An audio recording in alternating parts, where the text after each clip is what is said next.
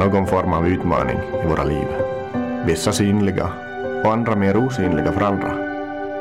Högst troligen kunde vi stoppa vem som helst på gatan och i samtal med dem få ta del av deras utmaningar.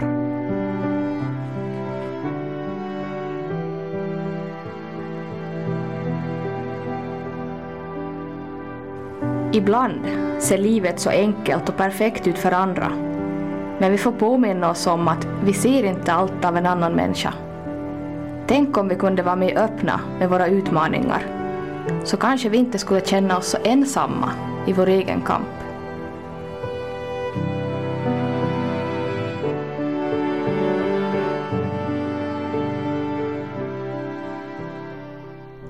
I elevpoddens nya miniserie Jag om en utmaning får vi möta olika gäster och ta del av deras utmaningar i livet.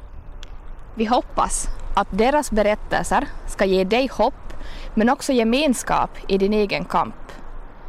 Du är aldrig ensam och det kan bli bättre.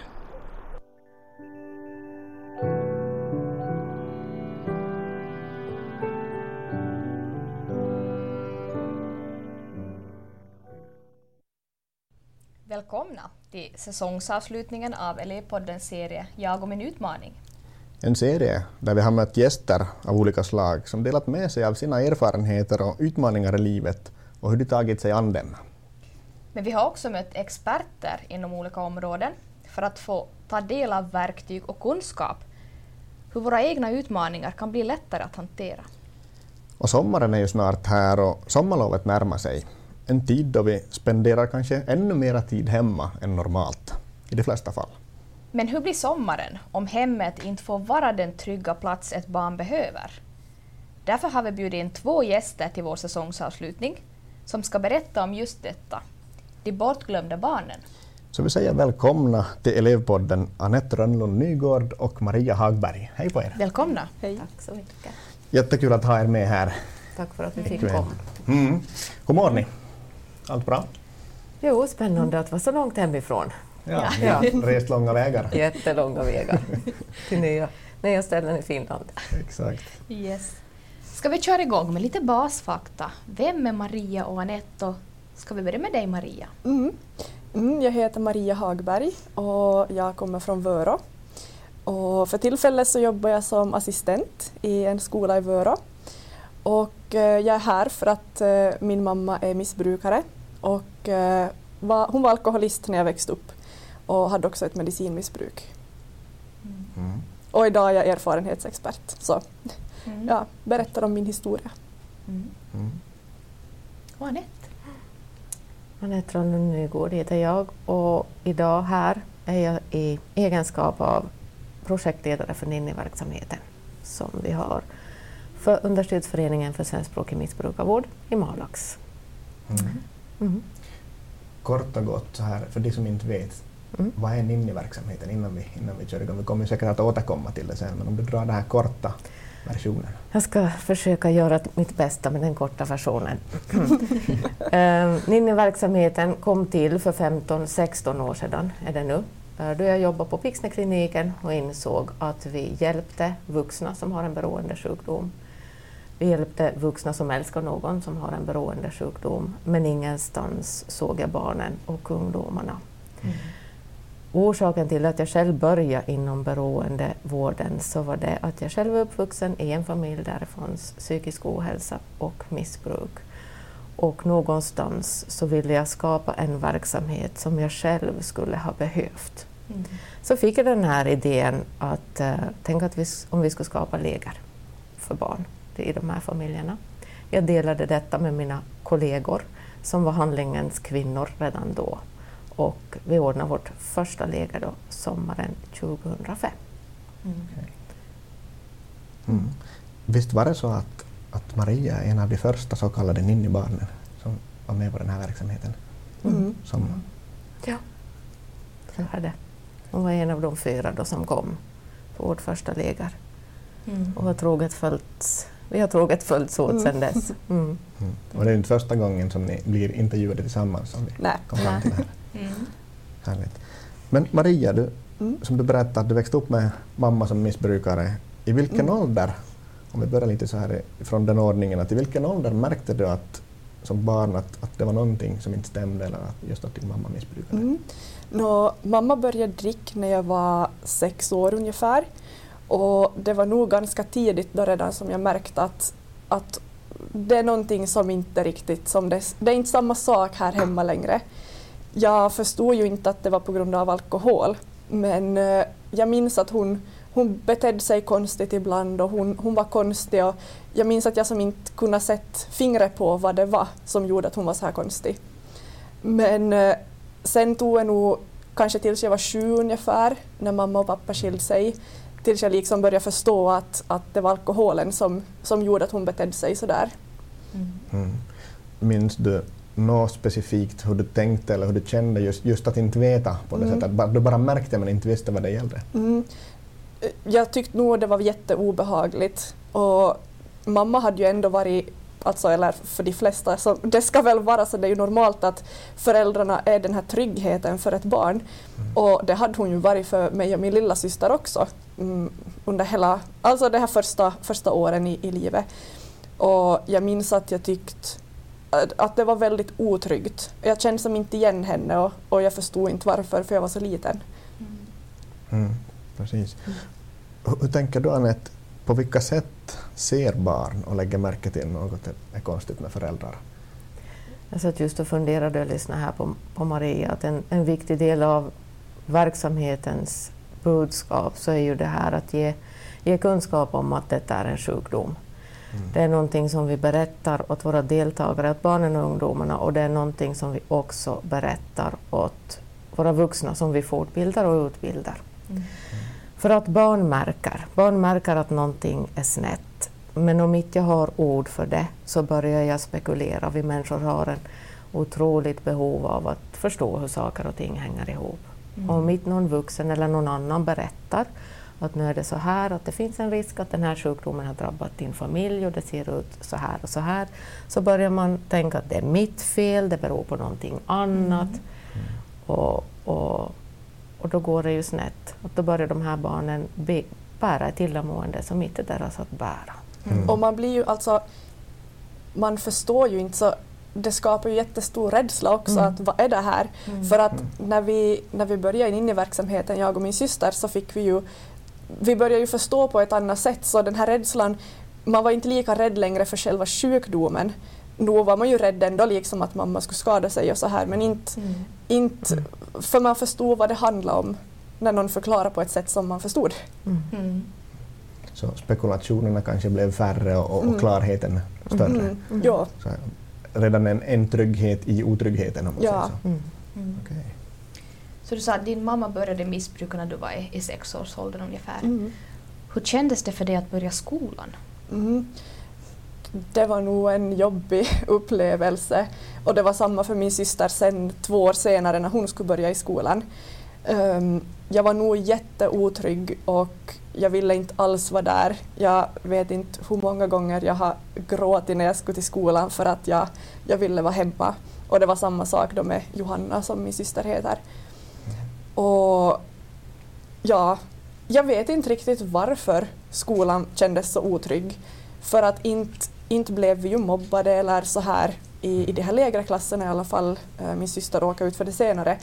Men ändå så, så kändes det hemskt att, att vara från pappa. Eh, Så, mm. Och så kanske också man tyckte att man borde ha varit hos mamma och tagit hand om henne. Mm.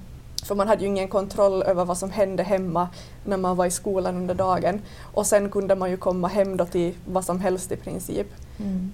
Så det var säkert eh, en orsak i alla fall. Mm. Så fast, fast den hemmamiljön var otrygg så blev du ännu mer otrygg av att inte få vara med och kontrollera den. Ja. Så att Ja, för att bidra. fast man är liten så har man ett enormt stort behov av att ta hand om sin förälder. Mm. För att det är föräldern som tryggar ens, eh, vad heter det, Eh, liksom att man klarar sig. Mm. Och om inte föräldern kan ta hand om en så måste man ju se till att man Mm. överlever. Mm. Mm. Och då måste man själv ta hand om sin förälder Ja. så att den ska kunna ta hand om en själv. Jag tänker spontant att det är ju ett väldigt en väldigt stor börda för ett barn att behöva känna Mm. ansvar Mm. som, som liten, kanske redan Mm. då som 5-6-7-åring och börja se det här Ja. initiativet att ta ansvar. Så, och inget som ett barn ska behöva ta. Nej, verkligen inte. Mm. Och reagerade vuxna runt omkring dig till exempel i skolan eller, eller andra, andra föräldrar eller andra vuxna? Mm. Ja, alltså, vi var ju nog... Liksom socialen blev ju nog snabbt inkopplad. Så, och de var nog liksom... De fanns... Eh, vi hade som tätare och mindre tät kontakt med dem under hela skoltiden, mer eller mindre.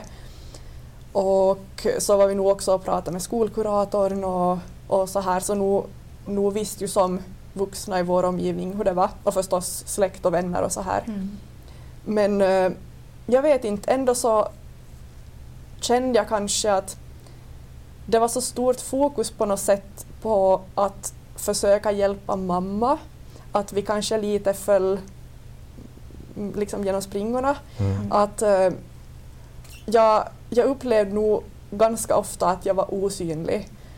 Att, och det var väldigt mycket bråk hemma också under de här första åren just i samband med skilsmässan och så här. Och ja, jag skulle nog ha behövt någon som skulle ha, ha liksom sett mig. Och förstås in i verksamheten så fick vi ju uppleva det, men det var ju så sällan.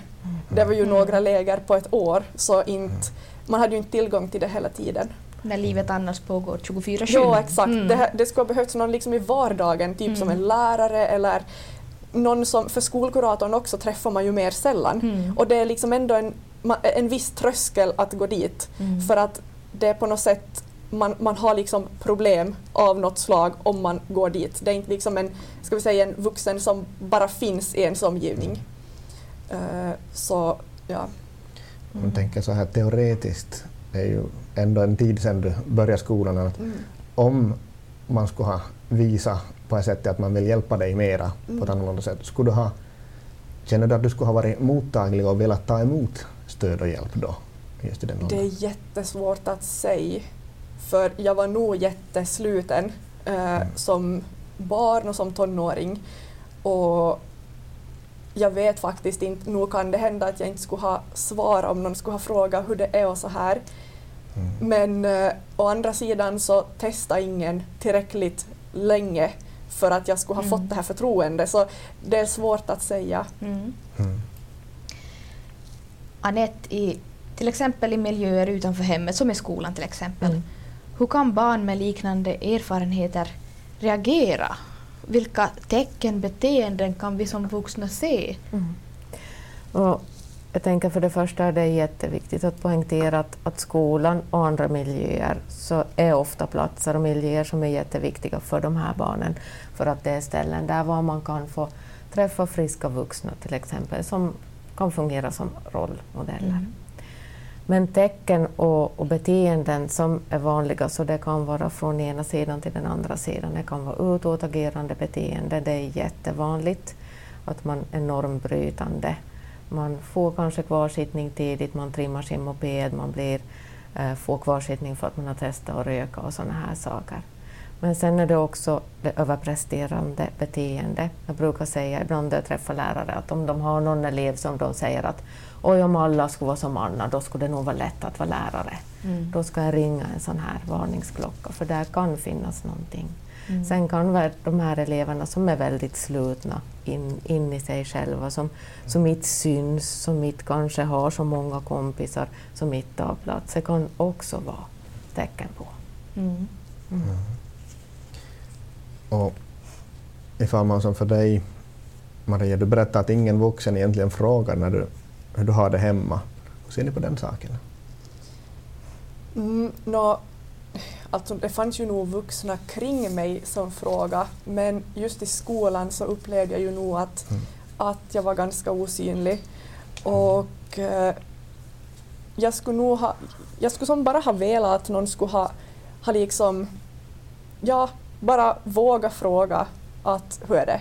Och i synnerhet när jag gick i högstadiet minns jag så, jag var ju just den här högpresterande inneslutna eleven som inte, jag gjorde inget väsen av mig och jag var trevlig mot lärarna och allt sånt här.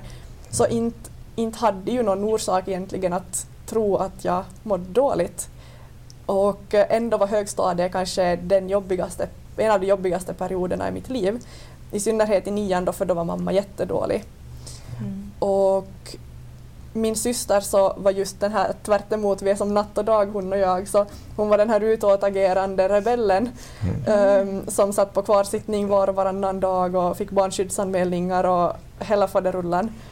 Och, uh, men liksom ändå fick ändå fråga ingen av mig. Alltså de, mm.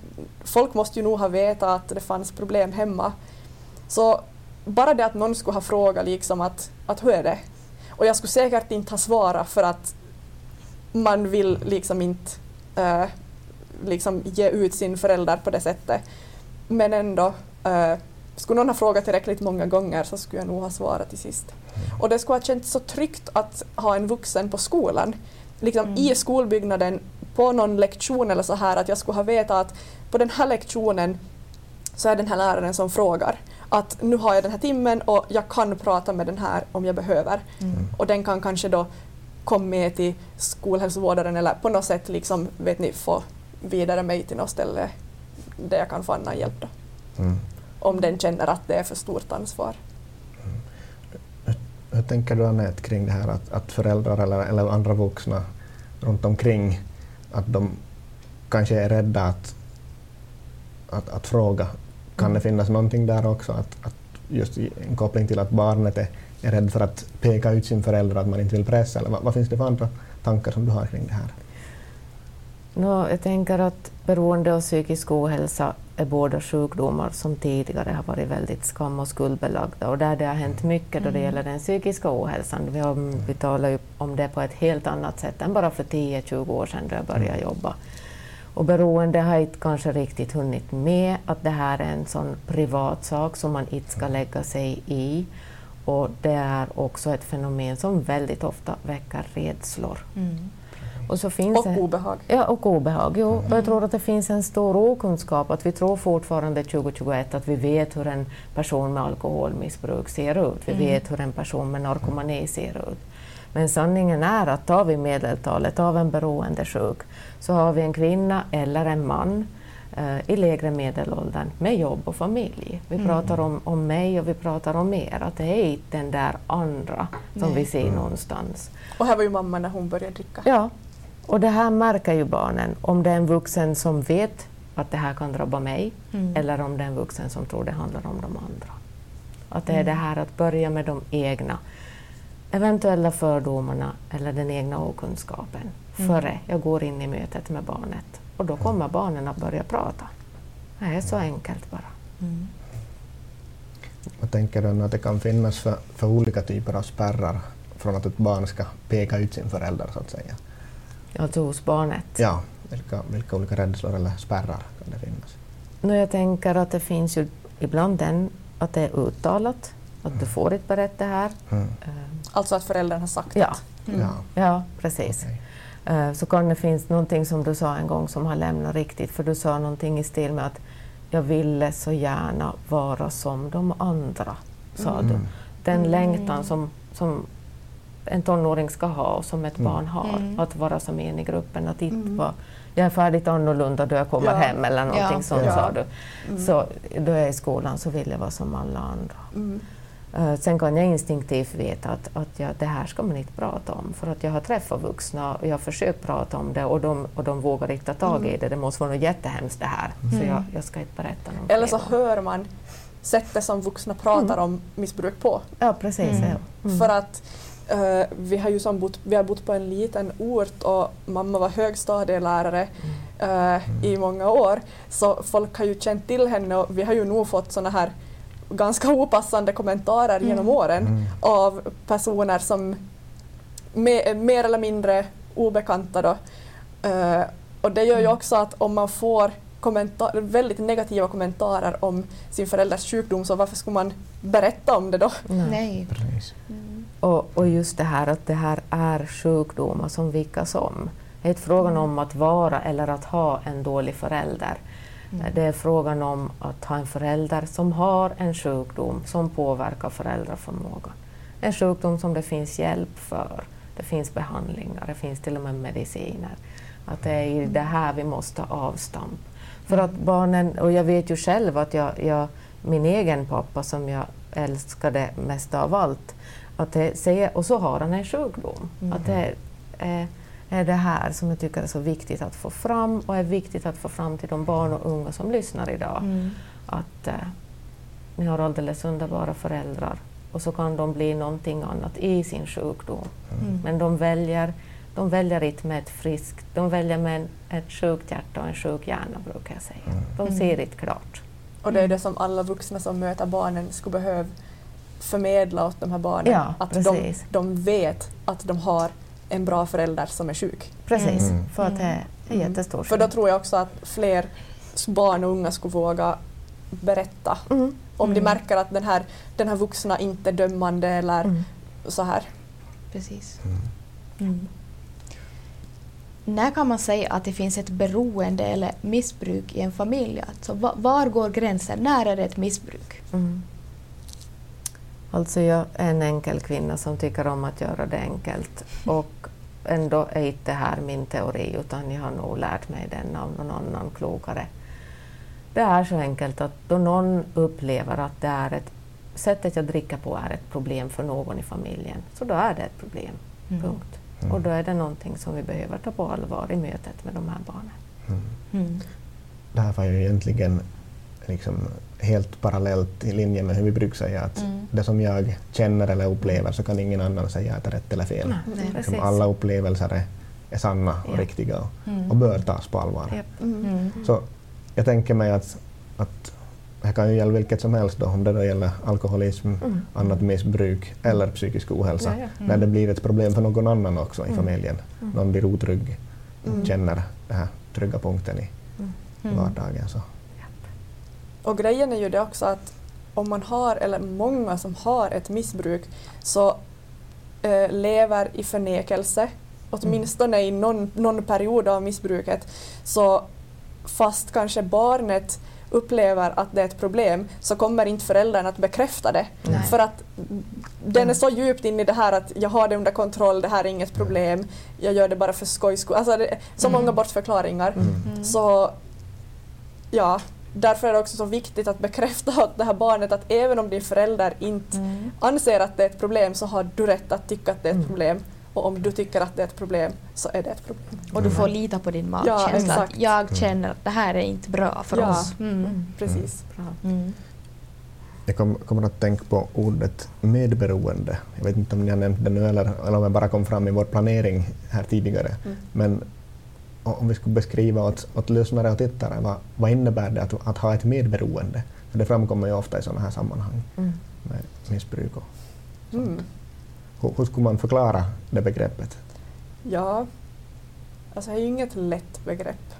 Men man är i princip, alltså den som har ett missbruk så är beroende av till exempel alkohol eller drogen eller vad det nu kan vara. Mm. Och den medberoende är beroende av den här personen. Eller egentligen att ta hand om den här personen och se mm. till så att den inte dör. Mm. I princip. Mm. Det är väl ganska enkelt förklarat. Mm. Och det kan då leda till, till alltså man, olika man, saker? Ja, alltså man, man lever ju inte längre sitt eget liv. Mm. Utan hela ens liv, om man är medberoende så kretsar hela ens liv kring att eh, ta hand om den här beroendesjuka, eller alltså det kan vara andra sjukdomar också, man kan vara mm. medberoende till någon som har en, en mer fysisk sjukdom eller mm. mm. någonting annat. Men, men vanligast kanske så är väl ändå till att vara medberoende till en som har ett, ett beroende. Mm. Och man liksom gör sådana uppoffringar för den här personen som man annars inte skulle göra. Mm. Och man, gränserna flyter liksom ut, man har inga gränser längre. Man, liksom, man kan vara okej okay med vissa beteenden som mm. man aldrig skulle vara okej okay med om man inte skulle vara medberoende. För att man tänker att men att det blir nog bättre och det blir nog bättre. Och om, jag bara, om jag bara tillåter det här, om jag bara gör det här, då, då fixar nog det sig. Mm. mm. Ja, vill du tillägga någonting? Nej, nej jag, jag, håller med förstås. Och så tänker jag det här också att, att de, då jag jobbar med personer som har medberoende och jag tänker på min eget liv och anhörigproblematik är ju ett begrepp som används när man pratar om psykisk ohälsa i familjen. så är det ofta den, den tanken som förs fram i mötet. Så är att jag vet inte vad jag får tänka, jag vet inte vad jag får känna, jag vet inte vad jag får göra och jag vet inte längre vem jag är. Mm. Att då hela familjen har insjuknat i den här sjukdomen så tappar jag som anhörig bort mig själv. Mm. För att allt har börjat handla Mm. om sjukdomen. Min eventuella skuld i den som jag tror att jag kanske har och mitt ansvar som jag felaktigt tar att fixa det här. Mm. Så, här, ja, så tänker Mm. jag. Mm. För jag, jag ser ju en skillnad också för jag, idag anser jag inte att jag är medberoende längre. Mm. Men ännu för några år sedan var jag. Och jag, jag kan se så tydligt en sån här skillnad att om, om mamma har en sämre period nu så klart jag mår sämre av det för att jag menar jag bryr mig om henne och jag vill att hon ska må bra och det påverkar mig. Men det är inte som tidigare att, att hela mitt liv liksom börjar kretsa kring det här att ta hand om henne. Idag kan jag leva mitt eget liv och ändå må bra och liksom känna att jag får må bra Mm. även om hon inte mår bra. Jag har liksom för börjat förstå det här att liksom det är hennes liv, hennes ansvar Mm. att ta hand om sig själv. Och hur mycket, fast jag skulle liksom bo där 24-7 så kan jag inte få henne att börja må bättre om inte hon själv vill. Mm. Men det förstår man inte som medberoende. Nej. Nej. För då tror man att man ska kunna göra den här människan frisk. Mm. Precis. Vägen ut ur ett medberoende måste jag bara få berätta ifall det är någon som lyssnar. Mm. Eh, så jag brukar säga eh, en väldigt enkel teori här. Vägen ut ur ett medberoende är att jag börjar öva mig på att inte göra någonting förrän jag har kollat med mig själv först. Mm. Orkar jag det här? Vill jag det här? Hade jag någonting annat planerat? Behöver jag någonting annat? Mm. Kan jag då med gott samvete säga ja, nej, nu är det okej att jag ställer upp för den andra människan, då gör jag det. Mm. Men det är också lika okej att säga idag klarar jag inte det här. Idag måste jag få vila eller träna eller Mm. äta eller vara med mina kompisar eller vad jag Mm. behöver. Att igen väcka den här egna rösten, egna behoven till liv. Yes. Okej. Maria, hur såg tonåren ut för dig? Det var ju dags att börja högstadiet i något skede. Hur var den tiden? Nå, början av högstadiet så var nog helt okej för mamma hade en period då på två år när hon var nykter. Och eh, första halvåret i sjuan så, så var hon helt nykter. Och eh, jag tyckte det var spännande att börja högstadiet och jag fick kompisar och det var inte något desto större problem. Men sen efter jul någon gång i sjuan så föll hon tillbaks i sitt missbruk och började dricka igen. Och efter det så började det nog gå neråt eh, med mitt mående också.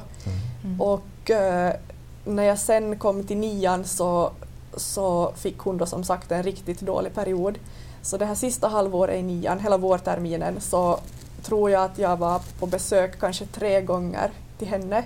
Och jag sov inte alls där, det var dagtid någon dag när hon var lite bättre i skick.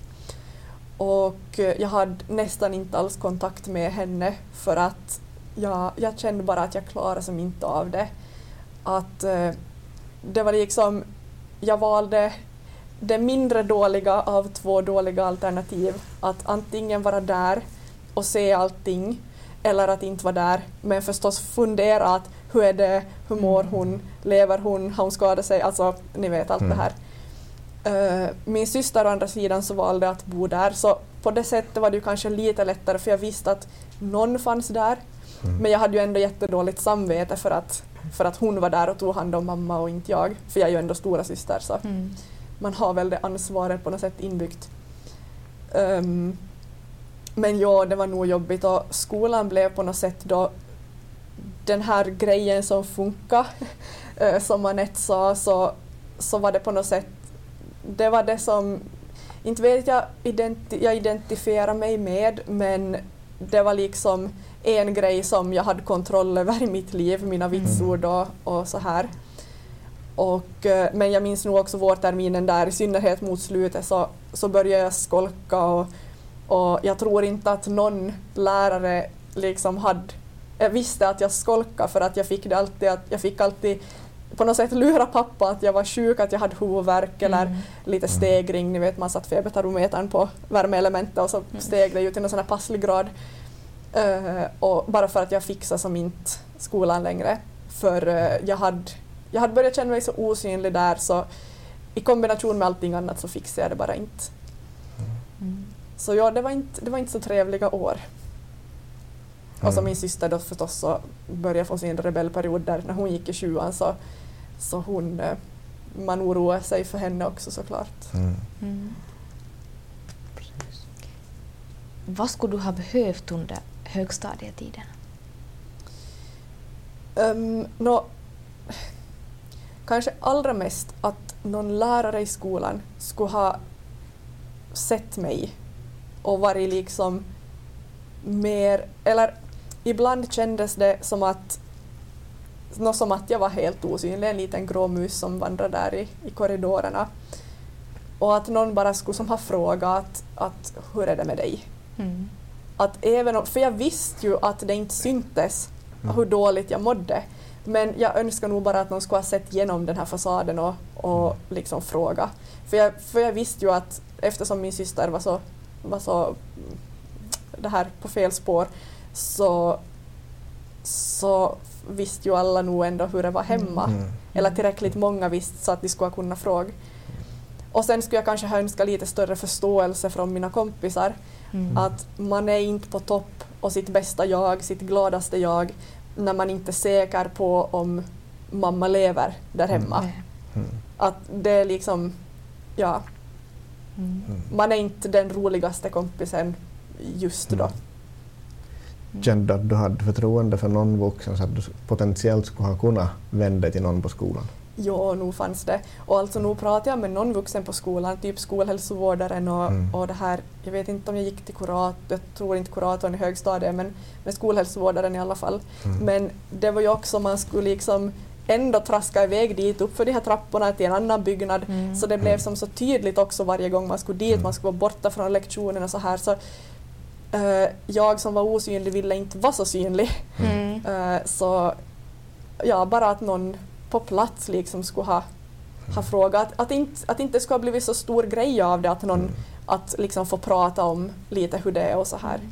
Att göra en, en frånvaro från lektion och att fara, som du sa, upp för trapporna en annan byggnad. Mm. Allting det blir så konkret. Jo, och man kanske exakt. känner sig uttittad och så här. Ja. Även om jag just skulle önska att det absolut inte skulle behöva vara så Mm. liksom, i vårt samhälle. Att man ska Mm. behöva känna att man är annorlunda på det sättet eller, eller udda för att man har en utmaning Mm. som man behöver hjälp med. För att Mm. det finns inte någon som ska behöva känna att de ska Mm. måste klara sig själv i det här. Nej, verkligen inte. Men jag tycker vi får vara tacksamma för idag för situationen i skolan har nog ändrat helt. Verkligen. Gällande det här med att det är ingen skam att fara till kuratorn. Det är ju nästan var och varannan lektion där det är någon nu som är borta. Mm. Och det är obligatoris, obligatoriska besök. Om jag tänker tillbaks på min tid för mm, knappt 15 år sedan. var- Jag har ingen aning om var kuratorn i min högstadie fanns. Jag minns faktiskt var kuratorn var och det beror på att jag just råkar ha ett bildminne exakt av när jag var på det här Mm. en enda obligatoriska besöket hos kuratorn. Men annars tror jag inte att jag skulle komma ihåg liksom, Nej. att, att det fanns en kurator och vad hen gjorde. Och, Nej, vi hade ingen på plats heller utan jag tror det var månne en för hela kommunen Ja, eller något liknande. Mm. Så det har ju nog faktiskt förbättrats. Vi får verkligen vara tacksamma Mm. för den Ja, situationen. absolut. Mm. och idag finns det ju även andra, det finns elevassistenter, skolcoacher Mm. och Ja. allt möjligt, skolpsykologer och allting. Liksom, det finns olika, Mm. om man nu kan kalla det olika trösklar, Ja, om man säger så. Att exakt. det finns, Mm. finns mera varianter så att det ska fungera. För Mm. alla funkar ju inte heller med alla. Så Nej, det kan vara bra med alternativ Exakt. att välja mellan. Så. Mm. Mm. Anette, vad, vad anser du, vad behöver en tonåring oberoende då om det finns missbruk eller psykisk ohälsa i familjen eller bara en helt, familjen är frisk om man säger så. Vad behöver tonåringar? Ja, tonåringar så behöver att bli lyssnade på och tagna på allvar. Att få bli hörda. Vi har ju en generation ungdomar som är eh, mera upplyst än någonsin och samtidigt så kan det vara det mest förvirrande tillståndet ever. Mm. För Mm. att det, Mm, så en tonåring behöver också bli guidad och handledd och få gränser och regler. En tonåring behöver ju ha någonting att bryta mot. En tonåring ska ju vara arg, för det krävs ilska för att ta sig ut hemifrån. Men då måste han också ha någonting att vara arg på, som en regel. Så, det tänker jag. Mm. Jo, Mm. riktigt gammaldags. Mm. Men det funkar. Det funkar. Mm. Mm. Anette, vad har du för tips till, till vuxna? Liksom, för att vi ska få mer öppna upp det här då, just att, att prata mer om det, våga, våga fråga, Mm. våga fejsa det här att, att det kan finnas missbruk eller psykisk ohälsa i, i barnen och ungdomarnas familjer. Vad, vad behöver vi göra? Mm. Ehm, jag håller fortbildningar för det här och det kommer jag jättegärna till Jakobstad och gör också, och Karleby och, och Larsmo. Och, men grej för grejen är ju det här att, att vi behöver få kunskap om vad det här fenomenen handlar om och vi behöver också få, få kunskap om hur vi tar det till tals. Men inte är det inte kärnfysik, det krävs medmänsklighet och mod. enda vi behöver göra så är att fejsa våra egna rädslor och ta, ta tag i dem och sen gå in i mötet med de här barnen. Inte behöver man ju fråga det första man gör, att hur är det hemma? Nej. Bygg en relation, se dem. Snygg skjorta, jag ser du har varit i frissan, härligt, snygg jacka. Och så sen går man vidare, hur mår du? Och så här. Och man behöver inte ha alla svar. Nej, nej, Alltså det man, har man ju jag aldrig. Nej. ja, fortsätt.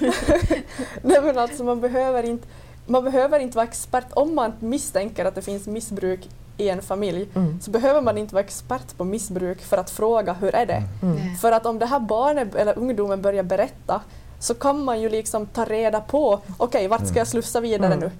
Om man får det. Men man måste bara våga ta emot Mm. det Ja, här ja. svaret. Ja. Och det som vi har märkt nu där söderöver, där vi har, har systematiskt jobbat med det här att fortbilda personal och informera om Ninni-verksamheten, så har vi märkt att då personalen på fältet har något ställe att slussa de här barnen och ungdomarna till, så vågar de också ta saken till tals. Mm. För tidigare, vad skulle man göra? Man tog saken till tals och så fanns det kuratorn och skolhälsovården, tack och lov. Det finns ju många vuxna i skolan idag. Men idag så finns det då Ninni dit man kan visa dem. Vi kan ringa till Ninni-handledaren och då kommer och träffar dig. Då är det mycket lättare att ta det till tals för att jag har något konkret att erbjuda. Mm. Mm. Så. Yes. Sen kanske att om man har den här känslan som vuxen att man har någonting i sitt eget bagage som Mm. hindrar en från en att vara ett bra stöd. Mm. Är det dags att ta tag i det då? Ja, Mm. för jag är ju till- klart att det kan kännas jätteläskigt också. Mm. Men eh, är ju för ett eget välmående i allra högsta grad Mm. att möta det som behöver mötas. För annars slipper vi, ett- vi slipper ett vårt bagage om inte vi vågar möta det. Mm. Mm. Så, så är det. det. Det skulle jag vilja att alla människor skulle få göra för att livet blir lättare då. Mm. Har du nå- något att tillägga Maria just kring det här vad vuxna skulle behöva göra för att kunna vara till ett mer stöd? Nej, Alltså jag håller nog med allt som hon sa. Mm. Och jag kan av erfarenhet säga att om man dealar med sitt eget bagage så, så blir det nog mycket lättare att möta möt samma sorts svårigheter eh, hos andra Mm. utan att Mm. få sådana här starka känsloreaktioner Mm. hos sig själv. Mm. Jag har sagt det förr och jag säger det igen. Här är en enorm gåva att få säga att jag vet hur det känns Mm. och att kunna mena det till 100 procent. Mm. Mm. Mm. Här är en sån gåva som du, ja, den är ovärderlig. Mm. Mm. Mm. Mm. Sen, sen fastnade jag ännu för det här som du sa redan tidigare Anette, just att det finns ingen eh, liksom, idealisk ska vi säga, missbrukare eller alkoholist. Eller, Mm. de, de har alla skepnader, de, Mm. de kan se ut och vara vilka som helst, Mm. Mm. som, som du och jag. Liksom, att, Mm. att det fin, finns ingen tydlig Mm. exempelbild på. Så, så vi, behöver, vi behöver påminna oss om att de finns Mm. Mm. mitt ibland oss i vardagen. I, I Mm. vilket hem som helst kan Mm. det finnas. Så att, att våga konstatera här är Mm.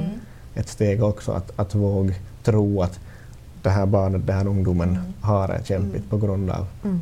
sådana orsaker. Mm. Och så får vi vuxna väl också lita på vår magkänsla. Mm. Absolut, så är det. Och alla, alla vuxna som jobbar inom människonära yrken så har ju en intuition, är jag Mm. alldeles, alldeles övertygad om, Mm. som vi ska använda. Vi Mm. har den av en orsak och den ska vi lita på och gå vidare på. Mm. vad skulle ni säga till skillnaden på era tonåringar, till era tonåriga jag och de vuxna Anette och Maria som vi möter idag? Jag tror Ja. inte så stor jag tänkte säga samma.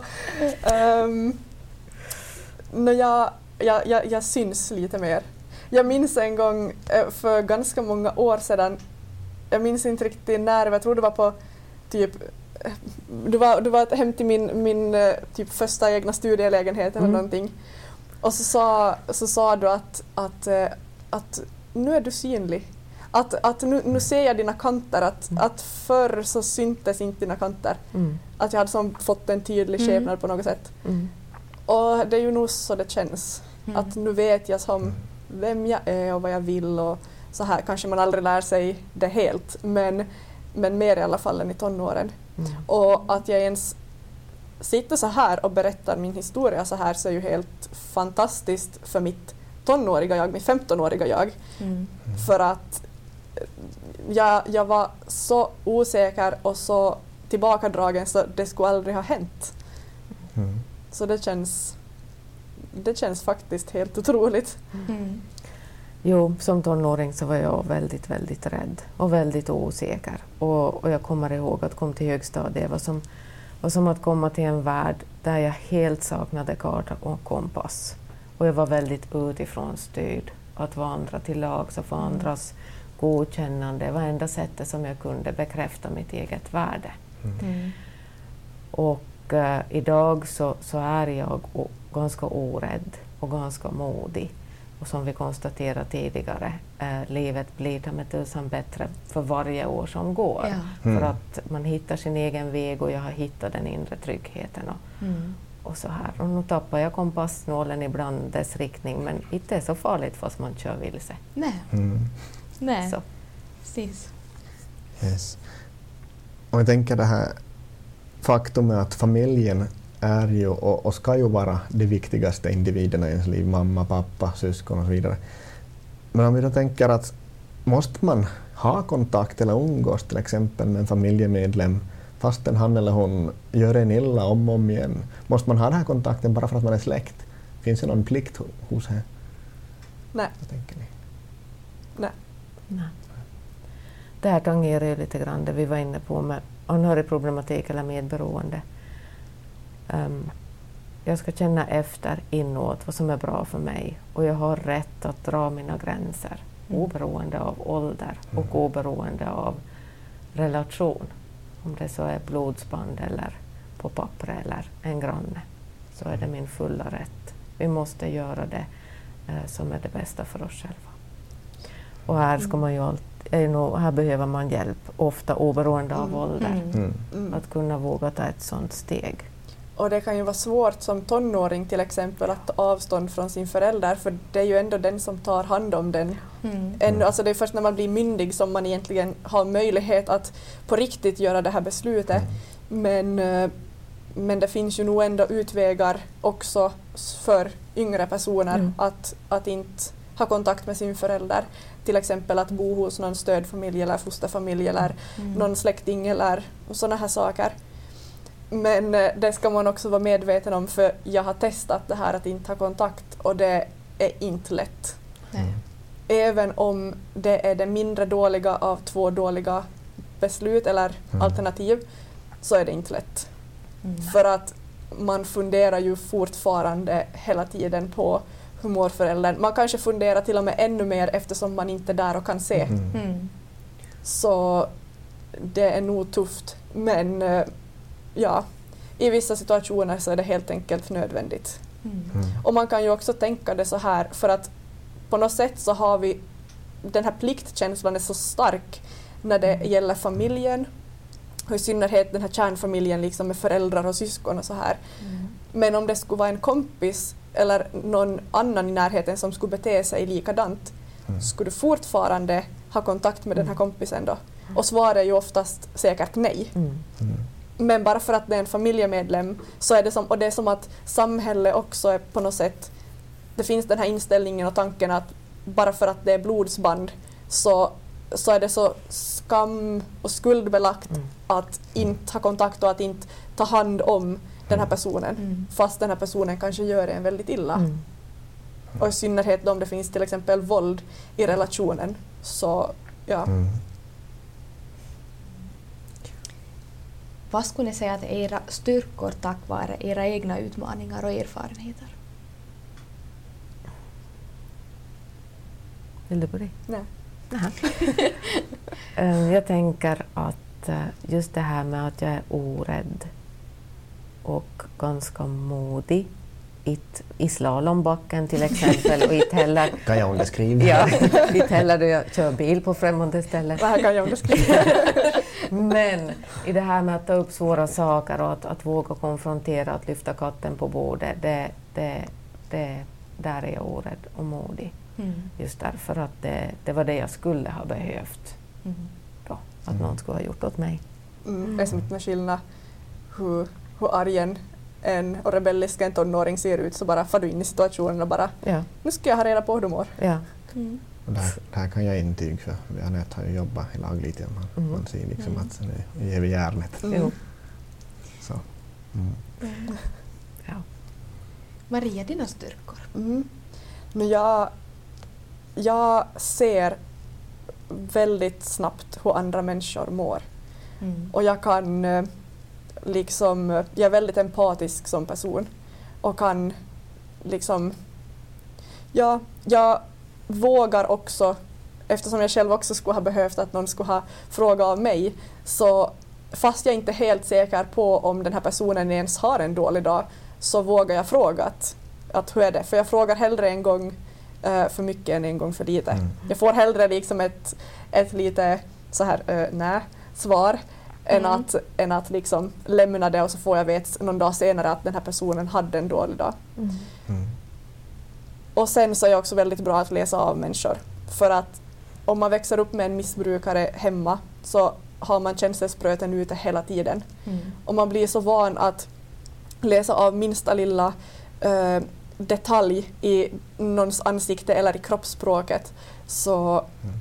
det är svårt att ljuga för mig. Mm. Mm. Jag kommer att tänka på det här med att våga fråga igen. För att det är så dumt att vi har fått det eh, helt fel i våra huvuden. Att, att våga fråga så handlar ju om att visa att jag bryr mig. Det Mm. handlar ju Mm. inte om att lägga sig i. Nej. Utan det handlar ju om att jag ser dig. Mm. Mm. Hur är det? Mm. Du ser, du ser glad ut idag, eller? Mm. Tolkar jag dig fel? Mm. För att jag, då har jag sett någon. Ja. Det betyder inte att jag snokar eller Mm. vill som, Nej. utan det betyder att Man bekräftar den här Ja, andra ja. personen. Mm. Det var bara en parentes. det kan ju finnas de här situationerna där det kommer liksom ett bakslag, bakslag Mm. liksom att, att den här tonåringen eller Mm. barnet liksom snöar sig tillbaka. Ja, blir- oftast. Jo. blir liksom, Mm. Jo. och, och, och speciellt sen om man tar det till, till nästa nivå och, och skapar en diskussion, kanske det Mhm. blir en barnskyddsanmälan. Mm. Jag antar att du har säkert får möta aggressioner och sånt i, i sådana situationer. Jo. Säkert. För det är ju, det är ju så nära. Jo, det blir nära. Och, Men grejen är att, att om, jag, om vi lyssnar på våra tonåringar, verkligen hör dem och bekräftar dem och berättar att det här gör jag för att jag bryr mig om dig. Mm. Mm. Jag är orolig för dig Mm. och det här måste jag också göra för Mm. att din, din hemmiljö är inte trygg. Mm. Jag har inte något val. Så Mm. jag inte tappar kontakten med någon ännu fast jag har gjort en barnskyddsanmälan. Nej, jag tror problemet där är att man informerar, man, man tänker kanske att de är bara barn, de, är, de förstår inte. Mm. Mm. Och så informerar man för dåligt. För Ja. att om man, om man involverar den här tonåringen eller barnet i deras eget liv. Mm.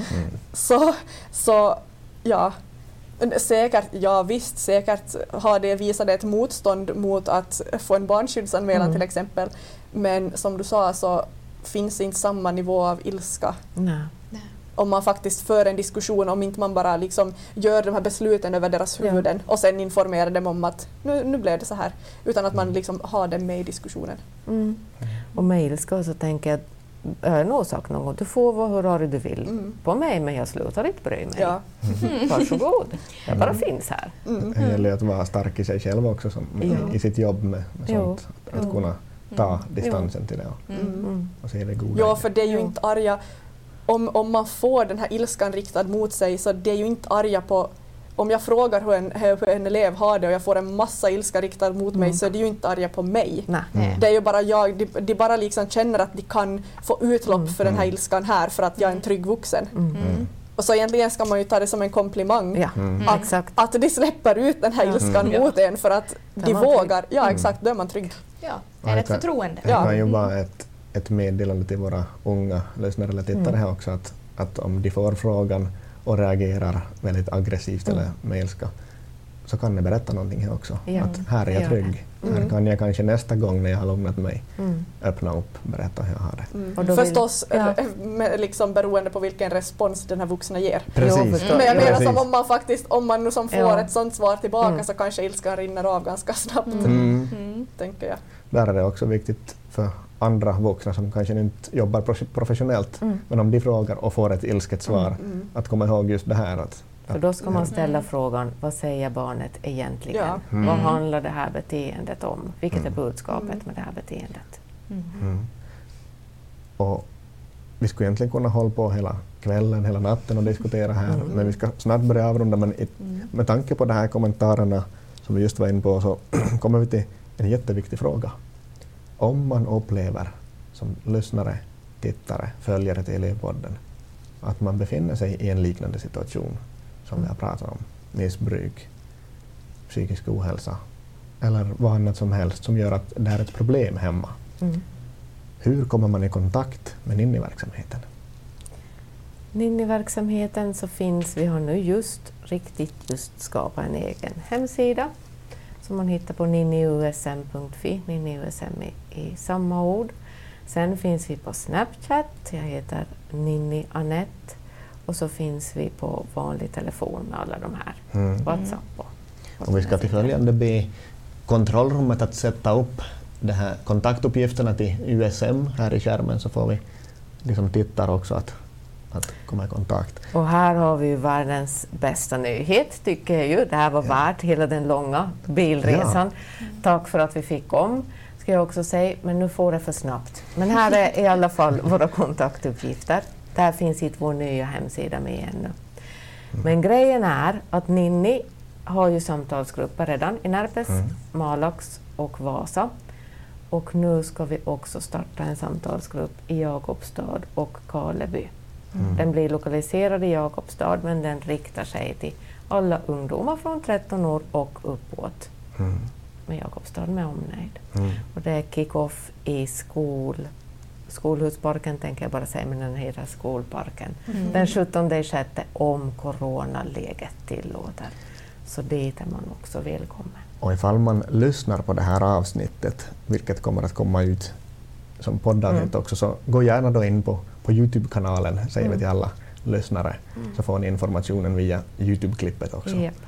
Och jag kan bara inflika just om de här grupperna att eh, steget kan vara ganska stort att komma till en sån här grupp för då liksom erkänner man på något sätt för sig själv att det finns ett problem hemma men man får ut så jättemycket av det för att oberoende av hur man är som person, om man är den här coola, utåtriktade, har massa vänner personen eller den här som är ensam och känner att ingen förstår så förstår alla varandra Mm. i de här grupperna. För det räcker med att man är där så Mm. vet man att alla andra i den här gruppen förstår hur det känns. Mm. Man behöver inte ens säga någonting Nej, så viktigt. vet, ja, så vet alla ändå hur det känns. Man får gå till, Ja. kom till hur många Ninni-grupper som helst och på läger utan att yppa ett ord. Ja. Mm. Man får vara tyst hur länge som Mm. helst tills man är redo. Det finns inte Ja. krav på att berätta. Mm. Mm. Så. Visst har ni en anonym chatt också? Det har vi. A-klinikstiftelsen har en chatt på finska som heter Varjo maailma och där, den sköter vi om, den svenska sidan tillsammans med stiftelsen Benso. Så den är öppen måndagar och onsdagar. Om inte man är redo ännu att ta de här grejerna face to face så kan man komma in där och vara helt anonym. Mm. Till exempel om man undrar att har min förälder ett missbruk eller Mm. har andra Mm. frågor som man vill få Mm. svar på. Precis. Mm. Så en väldigt låg anonym tröskel om man Ja. säger så. Mm. Vi ska avsluta med en, en härlig fråga. Mm. Vad drömmer Maria och Anette om? Du får börja nu. Mm. en liten fråga.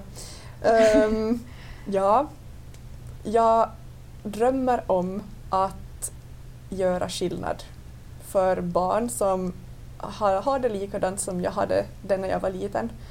Och jag drömmer också om att de här osynliga barnen skulle börja känna sig mer synliga. Mm. En bra dröm. Jag drömmer om ett hus vid havet.